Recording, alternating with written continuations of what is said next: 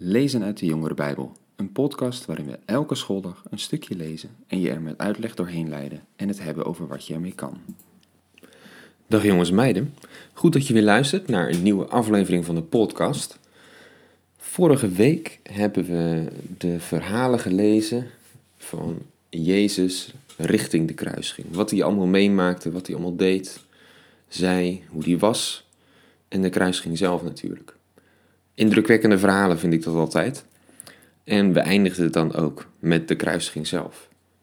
Maar daar bleef het natuurlijk niet bij. Dat is de hele clue van het verhaal. Dat het verhaal nog verder gaat na de kruisiging.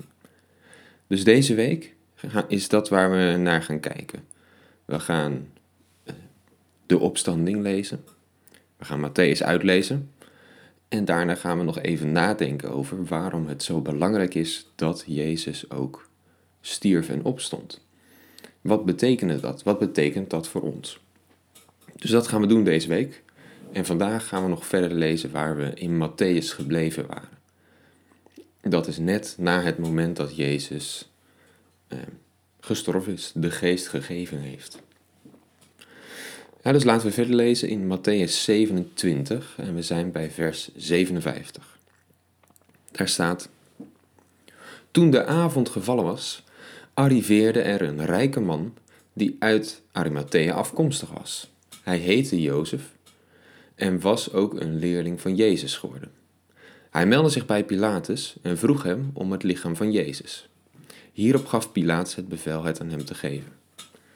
Jozef nam het lichaam mee wikkelde het in zuiver linnen en legde het in een nieuw rotsgraf graf dat hij voor zichzelf had laten uithouwen. Daarna rolde hij een grote steen voor de ingang van het graf en vertrok. Maria van Magdala en de andere Maria gingen tegenover het graf zitten en bleven daarachter. De volgende dag, dus na de voorbereidingsdag, gingen de hoge priesters en de fariseeën samen naar Pilatus. Ze zeiden tegen hem: Heer, het schoot ons te binnen dat die bedrieger, toen hij nog leefde, gezegd heeft: Na drie dagen zal ik uit de dood worden opgewekt. Geeft u alstublieft het bevel om het graf tot de derde dag te bewaken. Anders komen zijn leerlingen hem heimelijk weghalen en zullen ze tegen het volk zeggen: Hij is opgewekt uit de dood. En die laatste leugen zal nog erger zijn dan de eerste. Pilatus antwoordde: u kunt bewaking krijgen. Ga nu en regel het zo goed als u kunt. Ze gingen naar het graf en beveiligden het door het te verzegelen en er bewakers voor te zetten. Ja, we hebben hier de passage dat Jezus ook daadwerkelijk in een graf wordt gelegd. Het wordt hier niet meer genoemd, maar zelfs dat was al voorspeld in de profeten. Voorzegd is eigenlijk een beter woord. Voorspellen, daar zit een bepaalde onzekerheid in. En voorzeggen, dan weet je dat het gaat gebeuren. Maar ook in de profeten was dus al voorzegd dat hij bij, de rijke, bij een rijke persoon begraven zou worden. Zoals deze Jozef van Arimathea. Ja, en dan komen dus de hoge priesters en de fariseeën naar Pilatus om het graf te laten beveiligen. Want ze herinnerden zich dus wel degelijk wat Jezus gezegd had, dat hij uit de dood zou opstaan. Blijkbaar voelden ze de bui al een beetje hangen, dat daar iets mee zou gebeuren, dat hij misschien wel op zou staan. En toch willen ze het voorkomen. want ze hadden nu net zoveel moeite gedaan om diegene die heel wat volk achter zich aankreeg en die hun de hele tijd op een nummer wees, om hem uit de weg te ruimen. Vol jaloezie waren ze altijd naar hem toe. En ze hadden hem nu eindelijk uit de weg geruimd. En toen herinnerden ze zich ineens wat hij gezegd had. Nou ja, het graf is dus verzegeld.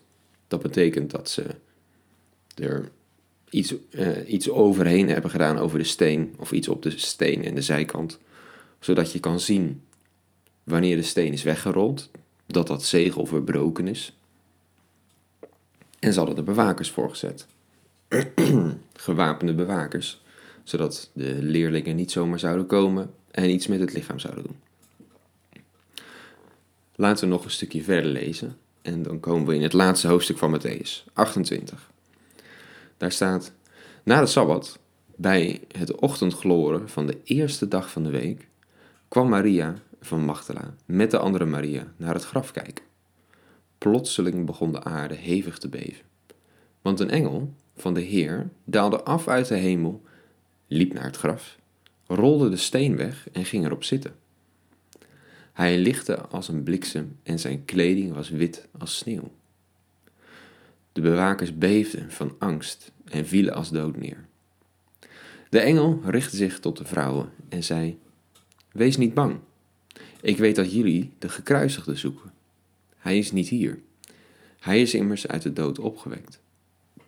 Zoals hij gezegd heeft. Kijk, dit is de plaats waar hij gelegen heeft. En ga nu snel naar zijn leerlingen en zeg hun: Hij is opgewekt uit de dood. En dit moeten jullie weten. Hij gaat jullie voor naar Galilea. Daar zul je hem zien. Onthoud dat ik jullie dit gezegd heb. Het is dus op de eerste dag van de week, staat hier. Nou, en in eh, het denken van de Joden begint een week op zondag en eindigt hij op de rustdag, de zevende dag, de Sabbat, voor ons de zaterdag. Dus op zondagochtend vroeg gaan de beide Maria's naar het graf. En dan blijkt het graf leeg te zijn. Ja, dat is dus interessant. Jezus is waarschijnlijk op een zondag opgestaan. En dat is dan waarschijnlijk ook de reden waarom christenen al vanaf dat moment op zondagochtend samenkomen. Dat heeft hiermee te maken. Omdat dus de Heer op die dag is opgestaan. Nou, we gaan erheen en een engel komt, die uh, wachters die vluchten voor wat er gebeurt. En ze zien dat het graf leeg is. Nou, hoe bijzonder is dat? Hè? We hebben, toen we naar de kruisiging keken, hebben we gezien hoe eigenlijk alles samenkwam. Alles richtte zich tegen Jezus. Er kwam zelfs duisternis en allerlei krachten speelden er allemaal om hem daar aan dat kruis te krijgen en te laten sterven. Alles kwam daar samen. En hoezeer ze dus ook allemaal geprobeerd hebben om hem de dood in te krijgen en de dood in te houden, zoals ook de hoogpriesters en de fariseeën probeerden door bewaking en het graf te verzegelen. Jezus is sterker dan het alles. Jezus is sterker dan de dood. En hij is opgestaan. Hij overwon de dood en iedereen die hem daarin wilde houden. Nou, dat is al een wonder op zich dat dat gebeurd is. Uh, maar we gaan volgende keer nog even het einde van het evangelie lezen, wat er daarna allemaal gebeurt.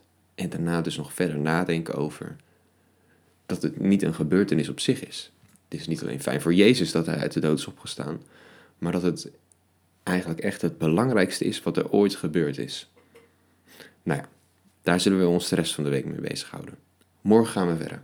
Tot dan.